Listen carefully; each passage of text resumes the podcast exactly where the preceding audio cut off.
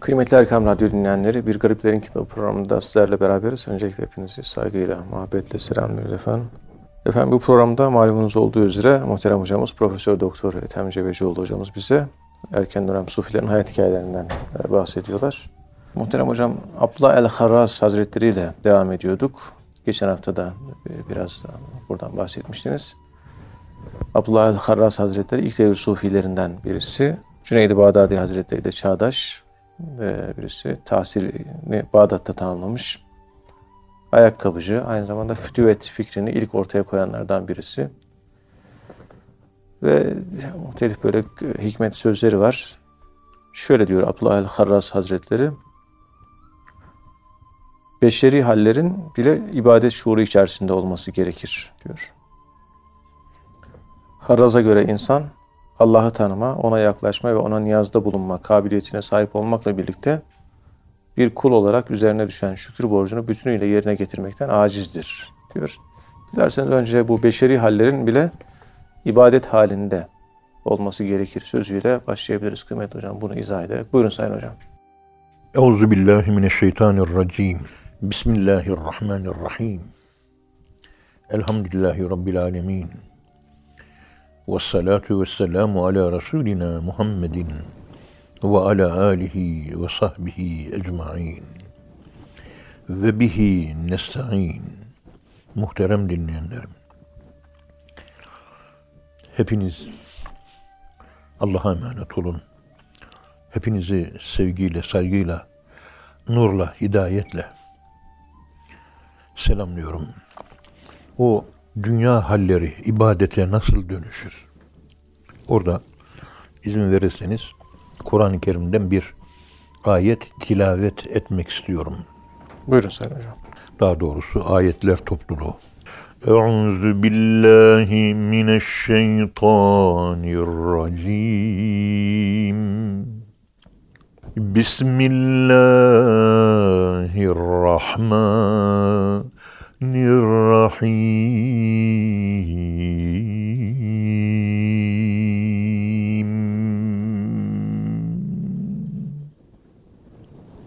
أفلا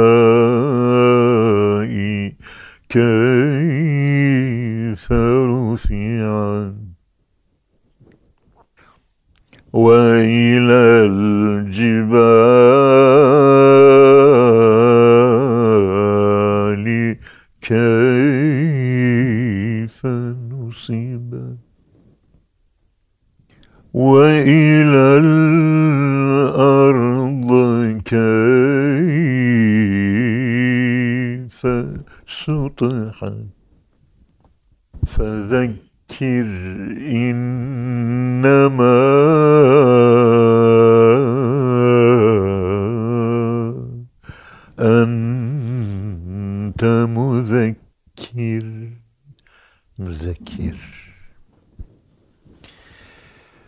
leste aleyhim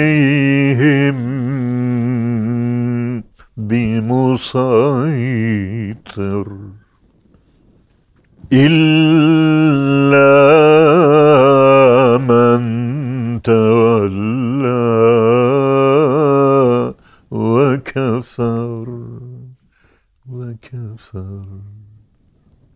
فيعذبه الله العذاب الأكبر.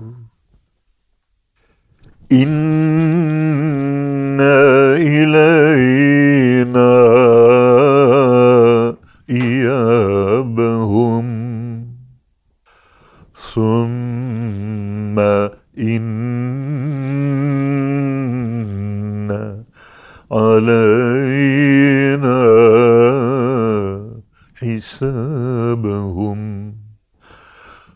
ثم إن علينا علينا حسابهم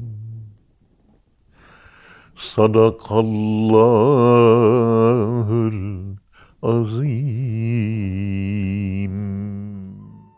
Evet bu ayet-i kerimede deveye bak diyor. Deveye bakmak bir dünya işi. Dünyevi bir iş, beşeri bir iş. Deveye bak. Ama deveye bakarken Allah bunu nasıl yarattı? Ha, Allah deveyi nasıl yarattı diyerek bakmak ibadet oluyor. Bakmak beşeri bir olay, insani bir olay. Bakıyorsunuz, beşeri ve insani bir olay. Allah Allah, tamam. Ama nasıl bir bakmak ibadet olur? Allah bunu nasıl yaratmış? Burada Allah'ın yaratılış hikmetleri, Allah'ın yüceliği, hayret makamı, kulluk, acizlik, bunların farkı, bunların fark edilmesi var. Yani her zaman devene yüz yüzesin, deveyle berabersin. Her zaman beraber olduğun devene bir bak, bir onu düşün. Bir bakma körlüğü meydana gelmiş. Bakmayı kaybetmişsin sen. Baka baka bakma körlüğü. Bir daha dön, bir daha bak bakalım. Nasıl yaratılmış? Göğe bak. Nasıl böyle yükseltilmiş? Göğün refi nasıl? Her zaman göğe bakıyoruz. Her zaman gördüğümüz deve, her zaman baktığımız gökyüzü. Her zaman görüyoruz. Her zaman baktığın göğü görebildin mi? Her zaman baktığın deveni görebildin mi? Her bakan göremeyebiliyor. Her bakan göremez. Görmek ayrı bir, bakmak ayrı bir olay, görmek ayrı bir olay. Baktım ama göremedim. Yani Ya Rabbi sana bakacağım, kendini bana göster. Yani bana kendini göster. Ben sana nazar edeceğim, bakacağım diyor. Nazar etmek. Yani bakmakla görmenin arasındaki en güzel fark ayet-i kerimelerde efela yunzurune ilel ibli keyfe hulikattaki nazar ile Rabbi erini enzur ileyk. Ya Rabbi göster kendini bakayım sana. Bakmak. Gösterilene bakmak. Bakıp görmek var. Göster kendini diyor. Sana bakayım diyor. Ra'a fiiliyle nazara fiilinin arasında dağlar kadar fark var. Nazar düşünce akıldır. Ra'a kalpte baktığını manalandırmak, anlamlandırmak, okumak ve baktığın şeyi görebilmek farkındalıktır. Nazarda bu yoktur. Onun için devleti yönetenlere eskiden nazır derlerdi. Nazara baktı, nazır bakan. Milli Eğitim Bakanı, Milli Eğitim Nazırı. Arif nezareti. Göremeyeceği için nazır denmiş. Sadece dış şekline nezaret ediyor. Ruhuna nezaret edemiyor. Ruhuna inemiyor. Mümkün de değildir bu. Onun için nazır bakmakla görevli. Bakıyor, görebiliyor mu? Görmesi beklenmiyor ama bakması, kontrol etmesi, düzenini koruması, nezaret etmesi bekleniyor. Evet. Ve intizar kelimesi de aynı nazaradan türemiş. Lafı uzatmayalım, buraya gelelim. Beşeri haller. Burada ben örnek olduğu için deveyi her zaman görüyoruz. Göğü görüyoruz. Bu bir beşeri bir hal. Bunu baktığımız zaman, baktığımız eşyada Allah'ı görebilmek. Gördüğünüz zaman o yaptığınız iş ibadet şuuru içinde olan bir iştir. Yaptığı işi güzel yapan, Allah bunu sever. Bir bakırdan tencere yapıyor. Bakırdan kazan yapıyor. Ama düzgün yapıyor. Estetik yapıyor. Ölçülü yapıyor. Dikkatli yapıyor. Böyle sanatkarane yapıyor. Güzel yapıyor. Bir makale yazıyor. Tekrar okuyor. Yazıyor, okuyor. Şu fakir Altınok dergisinde murakabe ile ilgili iki seneden beri Allah razı olsun yayınlıyor arkadaşlar. O makaleler aslında arkadaşlar vahişim hep takip ediyor. İster e, Öncel'e sor, ister Mehmet'e sor. Asistan arkadaşlara sor. Evet. Her bir makale mübalağa olmasın. 11 ila 17 defa kontrolden geçiyor. Allah. Bakıyoruz, bir daha bakıyoruz. Her baktıkça yeni bir şey görüyoruz. Evet. Sabah bakıyorum, yeni bir şey görüyorum. Akşam bakıyorum, yeni bir Falanca esere bakıyorum, falanca kaynağa bakıyorum, ona bakıyorum, şuna bakıyorum. Orada her bir makale, bir tane makale yazıyorum. O makale 17 defa, 15 defa, 14 defa, 12, 13 defa Kontrolden geçiyor. kontrolden, yani imla hatası değil. Geliş- Fikir kurgusu, konunun girişi, yayılışı, serimi, efendim söyleyeyim e, maddelere analitik olarak ayrılması, onların incelenmesi, bir sonuca varılması, yani giriş, konunun birkaç bölüm halinde incelenmesi, sonuca bağlanması, o planın mantıksal bağlarının kendi aralarında kurulması. Yani okuyan bir kimse boşluğa düşmesin. Onun üzerinde duruyoruz. Makale öyle yayınlanıyor. Hemen hemen pek çok da kaynak kullanarak, yeni fikirler oluşturmaya çalışarak, işin içerisine Kur'an, tefsir, hadis, hadis usulü, fıkıh, efendim söyleyeyim, fizik, kimya, psikoloji, sosyoloji, felsefe, her şeyi işin içine katıyorsunuz.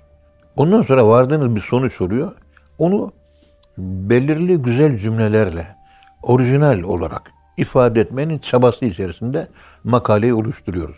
Yani yaptığım işi güzel yapma çabası içerisindeyim. Elhamdülillah. Bu işi yapmam bende e, ilahi bir nefha, ilahi bir soluk olduğunun göstergesidir. Bu bu manaya gelir.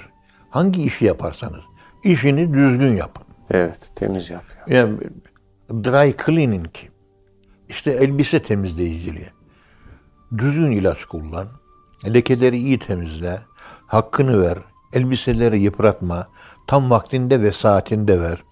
Dükkanın temiz olsun, hijyen koşulları iyi olsun, yıkama mükemmel olsun, e, servis güzel olsun, hizmet güzel olsun, güler yüz olsun, fiyatlar ucuz olsun, bilmem ne olsun. 50 tane faktör var. O bizim keşkül dergilerinde anlatmıştım. Osmanlı döneminde tuvalete girip çıkıyoruz değil mi? Tuvalete girip çıkmakla ilgili Osmanlı döneminde 42 tane adap var. Ya tuvalete girdin, oturdun, büyük abdestini yaptın, taharatı yaptın, temizlendin, çıktın. Girmeden önce içerideyken büyük ihtiyacı giderdik, sonra temizlik, ondan sonraki temizlik, ondan sonra çıktıktan sonraki temizlik, bilmem ne. Tam 42 tane edep var.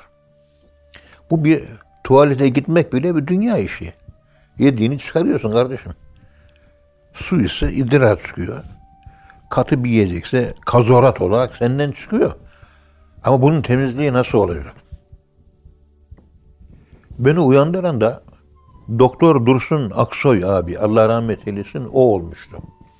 Doktor Dursun Aksoy bu intihaniye hastalıkları üzerinde, bulaşıcı hastalıklar üzerinde uzmandı. Allah rahmet eylesin. Kıymetli bir Allah dostu. Alelacele İzmir'den Medine'ye geldi. Akşamleyin baktım Hacı Gedikli abinin sofrasında. Hacı Gedikli abinin yanında derin bir tefekküre dalmış.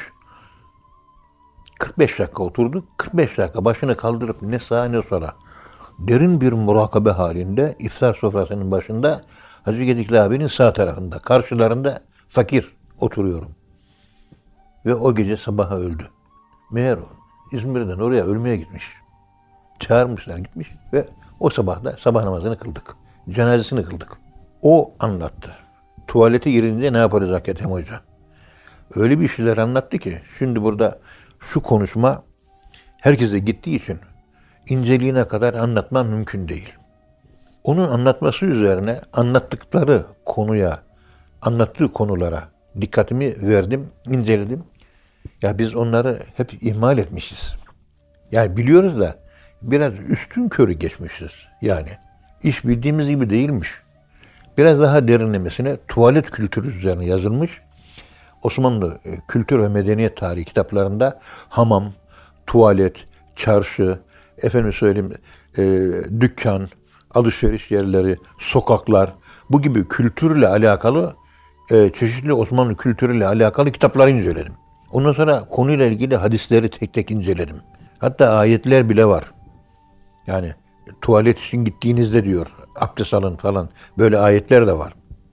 Ve bunları inceledim, inceledim.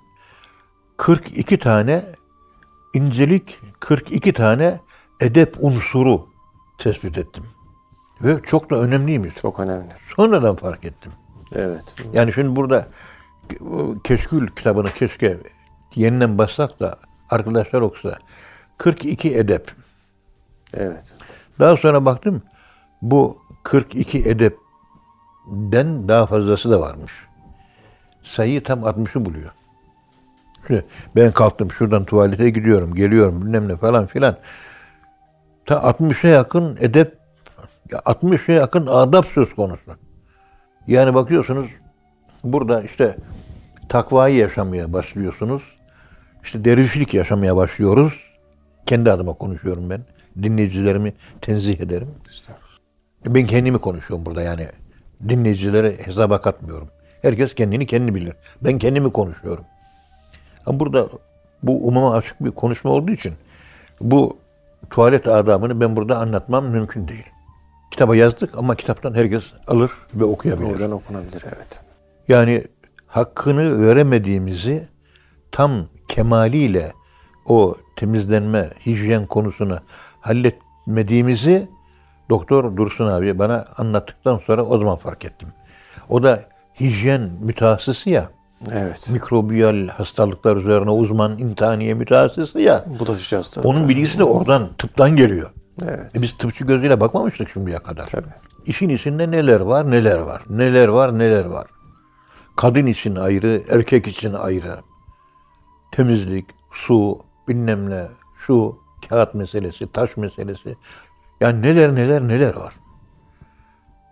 İşte burada beşeri hallerin bile ibadet şuur içinde olmasını gerektirir. Yani namaz abdesti alacağız. Namaz abdestinin abdesti olması için büyük abdest, küçük abdest sonraki yapmış olduğun temizliğin önemi var. Yapamazsan abdest abdest olmuyor, namazda namaz olmuyor. Olmuyor. İbadet şuuru, namaza hazırlık, yemek yerken yemek yemenin 120 tane adabını sayıyorlar. Hiçbirini yaptığımız yok. En basiti hep sünnet bunlar tabii. Tabii sünnet. Elini yıkıyorsun önce, sonunda elini yıkıyorsun. Tuzla başlıyorsun, tuzla bitiriyorsun. Lokmaları elle kopartıyorsun. Bıçakla ekmeğe kesmiyorsun. Çatal kullanmıyorsun, kaşık kullanıyorsun. Sağ elle yiyorsun, önünden yiyorsun. Ayrı ayrı tabaklarda yemek yemek yok. Ortaya bir tabak koyuyorsun, hepimiz oradan yiyoruz. Bir de bunu kalkıyoruz. Ben bir hocayım. Talibeme öğretmenlik yapmam için gereken formasyon acaba kaç tane? Geçmiş el, talim, müteallim kitaplar var biliyorsunuz. İslam'da ilim öğretme ve öğretmenlik örneği. Oraya bakıyorsunuz, topluyorsunuz. 500'e yakın öğretmenin standardı konmuş. Az önce tuvalet standartını anlattık. Yemek standardı var, öğretmenlik yapmanın standardı. Öğretmenlik yapma standardı 500 tane ise 50 tanesi fakirde ancak var. Estağfurullah. Ve standartları belirleyen Allah. Allah. Uygulamaya koyan Hazreti Muhammed Mustafa sallallahu aleyhi ve sellem. Sürme çekmek sünnet. Sağ gözün altına üç defa çekiyorsun. Sol gözün altına iki defa çekiyorsun. Ve okunacak duası var. Ve her gün mutlaka çekmek lazım. Özellikle geceleyin zikir çekerken. Neler neler. Hep ibadet.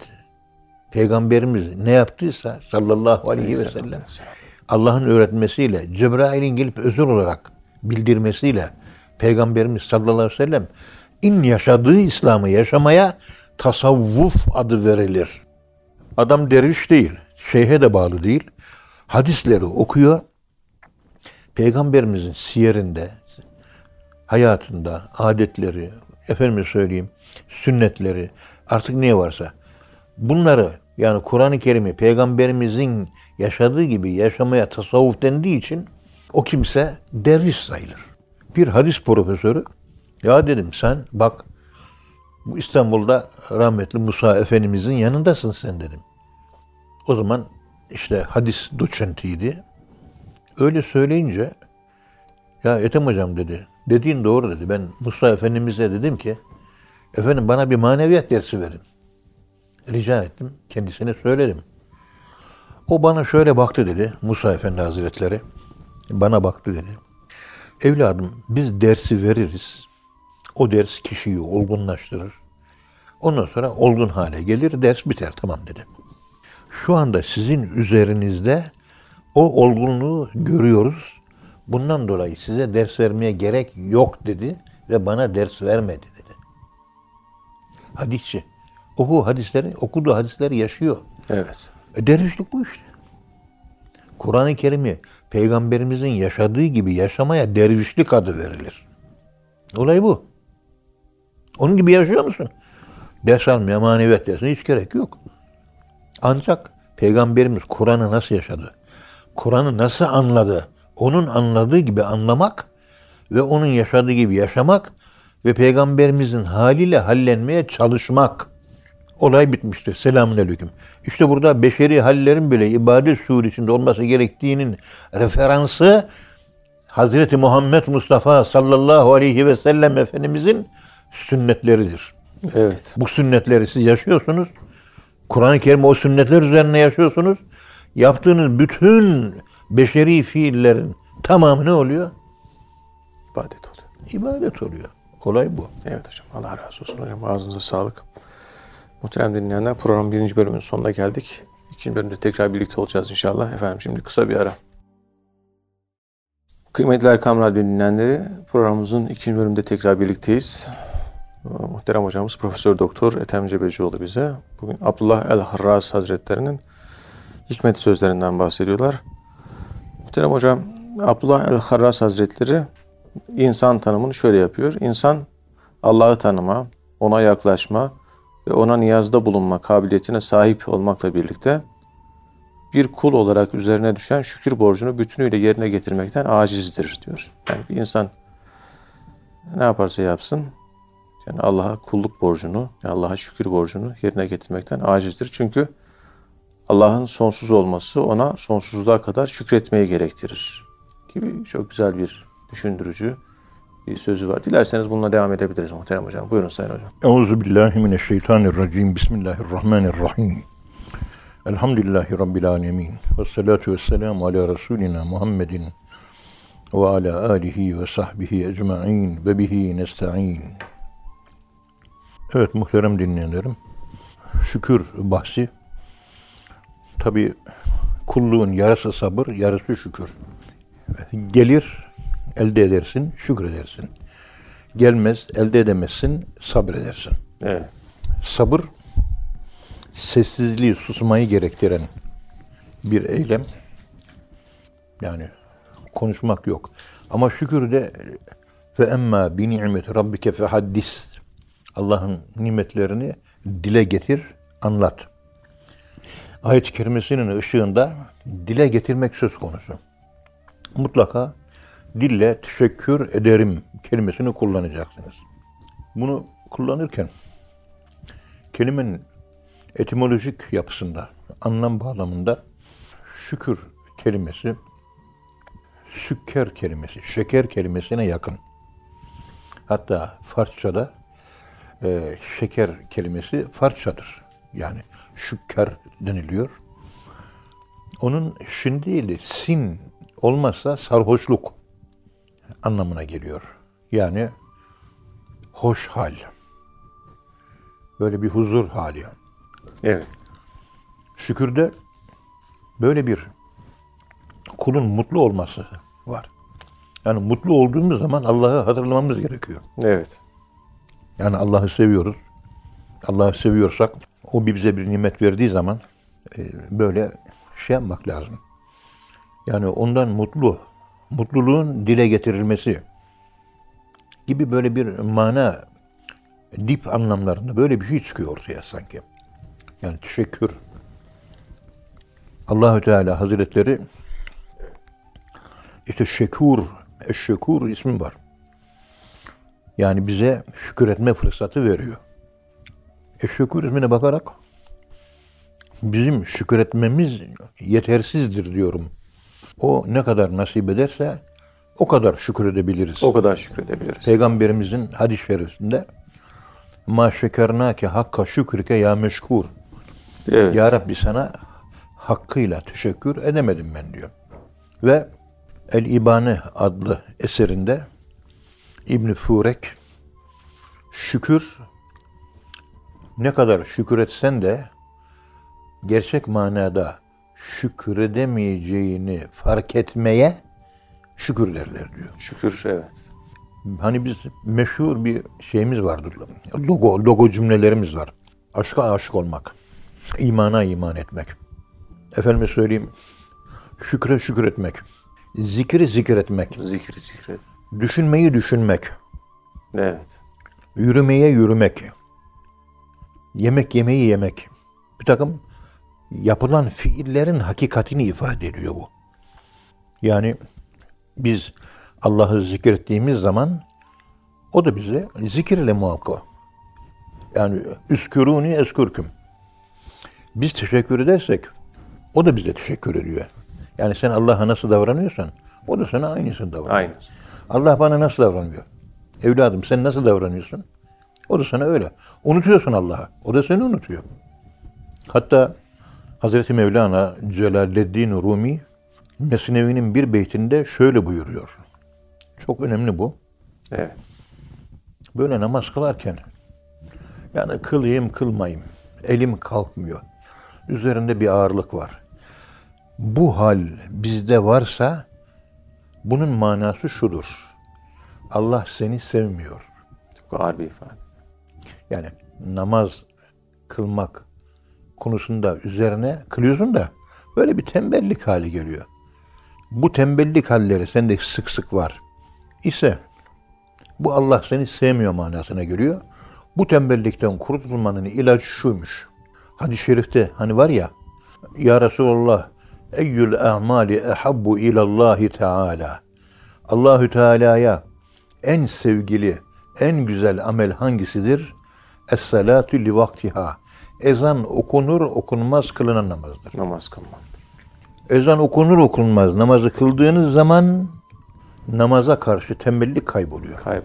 Namazı geç kılmaktan dolayı namaz sana yüzünü çeviriyor ve bilinçaltı namazı inkara başlıyor. Geç kıldığın için.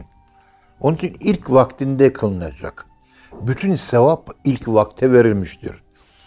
Onun için ehlullah ezanı dinler, bitince hiçbir iş yapmadan direkt namaz kılarlardı. Bunu ben şöyle anlatıyorum. Mesela ev hanımları için konuşayım. Böyle elinde bıçağı, domatesi koymuş tahtanın üzerine. Mutfakta onu kesiyor. Keserken yarıya geldi. Müezzin Allahu Ekber dedi. Ondan sonra bıçak oynamayacak. Hocam yarısını kestim, tamamı kestim. Kesme yavrum. Bütün imtihan orada işte. Yarısını kesecek mi, kesmeyecek mi? İş, dünya duruyor. Yani İbrahim Çakırlı Hoca Kocatepe'den öğlen ezanı okurken dünya dönmüyor, duruyor. İş hayatı duruyor. Herkes camiye, sıfır noktasına koşuyor. Evvele yolculuk yapıyor. Allah'a yolculuk yapıyor. Allahu Ekber namaz kılacağız. Bunu biz Nijer'de gördük değil mi? Evet hocam. Ezan okununca cadde, sokak, her taraf sokaklarda namaz kılıyor herkes. Hayat duruyor, otobüs duruyor, alışveriş duruyor. Her şey duruyor. Herkes önce bir namaza gidiyor, abdeste gidiyor, abdestini alıyor, namazını kılıyor, kıldıktan sonra hayat yine devam ediyor. Yani cümleyi yazdık, noktayı koyduk gibi oluyor. Bulunduğu yerde hemen namaza duruyor Bitti. adam. Tabii. Bu kadar. İşte bunun gibi bir şey. Evet. Yani değerlendirirken ben bunu hakikaten namazı tam vaktinde kılmak demek ilk vaktinde kılmaktır. Ve ilk vaktinde kıldığınız zaman namaza karşı bir tembellik şeklinde olay artık olmuyor. Ona dikkat ettim. Fakir. Namazı ilk vaktinde kılmanız demek önce namazı ciddiye alıyorsunuz. Namazı ciddiye alınca da namazın sahibi, emreden Allah'ı da ciddiye alıyorsunuz. Geciktirmek namazı ciddiye almamak ve dolayısıyla Allah'ı da ciddiye almamak demektir. Geç vakitlerde kılıyorsun. Böyle tembellik halleri varsa şayet namazı kılarken Allahü Teala Hazretleri sizin bu tembelliğinize bakıyor ve o namazı beğenmiyor. Onun için İmam Gazali İhya-i Ulumiddin'de ve kimyayı saadette yazar. Böyle namaz kılacaksınız. Vücudunuzda bir yorgunluk var. Yani yorulmuşsunuz dışarıda. Fakat kılarken o yorgunluk sizin namazında bir e, böyle gevşemeye yol açacak. Yani diri kılmayacaksınız. Çünkü yoruldunuz. İşten geldiniz. Peygamberimiz sallallahu aleyhi ve sellem tavsiyesine göre biraz dinlenin diyor. Vücut biraz ifakat kazansın. Dirilik kazansın. Namazı o dirilikle kılın diyor. Allah sizi namazda görünce diri, böyle tam böyle hakkını, hukukunu, efendim e, ta, tadili erkana riayeti, kavmelere, efendime söyleyeyim kaadelere, e, erkana bunlara hep riayet ediyor. Düzgün kılıyor. Ve bir enerjiyle kılıyor. Öbür türlü enerjisi sönmüş. Öldüm ben bittim falan diyor. Kaybolmuş gitmiş. Yani dünya işleri kafası meşgul. Yorgunluk, bezginlik. Bezgin bir psikolojiyle namaz kılmak. Allah bunu istemiyor. İstemiyor. Dinlen. Ondan sonra yoruldun. Zorluya zorluya kılma. Yani dinlen biraz dirilik kazan. Ondan sonra devam et. Tabii bazı namaz aşıkları var. Onları ben gördüm. Kıldıkça kılası geliyor, kıldıkça kılası geliyor, kıldıkça kılası geliyor. Usanmıyor namazda. İşte bu Allah'ın zatıyla ilgili bir tecelli bu. Aşk yani. Zatla ilgili. Yani Allah'ta kaybolmuşluk, Allah'ın rengini almışlık durumunda olanların ibadetleri kıldıkça kılası geliyor. Kıldıkça kılası. Bunun ölçüsü de Berat gecesi namazı kılıyoruz da yüz rekat. O namazı kılıyoruz. İki rekatta bir selam. iki rekatta ben bir elham üç kulhüyle okuyorum. O şekilde okuyunca işte dört buçuk saatte mi, üç buçuk saatte mi ne bitiyor namaz?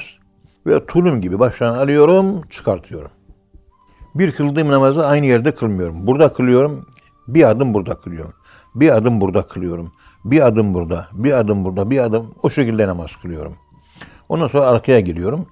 Böyle dört tane oda var bizim dairede. Dört odanın tamamında namaz kılıyorum. Yüz rekatta bitiyor. Evet. Ve tamamını böyle tulum sıyırır gibi kıldığınız zaman namaz kıldıkça dirilik geliyor. Ya bir çay için bir çay arası vereyim dediğin an olay bitiyor. Kalkan Çayın yanında hazır olacak. Termosla koyacaksın. Esselamu Aleyküm ve Rahmetullah. Esselamu Aleyküm ve Rahmetullah. Bir yudum çay içeceksin. iki yudum. iki saniye, üç saniye. Kalkıp yine devam edeceksin. Devam edecek. Yok mutfağa gideyim. Şöyle bir gerineyim. Şöyle bir sağa sola bakayım. Gözlerimi bir ovuşturayım. Oh be diyeyim. Bunlar tembellik getiriyor. Evet. Rekatların arasına e, boşluk bırakmadan tam bir e, tevaliyet, ardardalık ve kesintisizlik esasına göre kılacaksınız. Evet.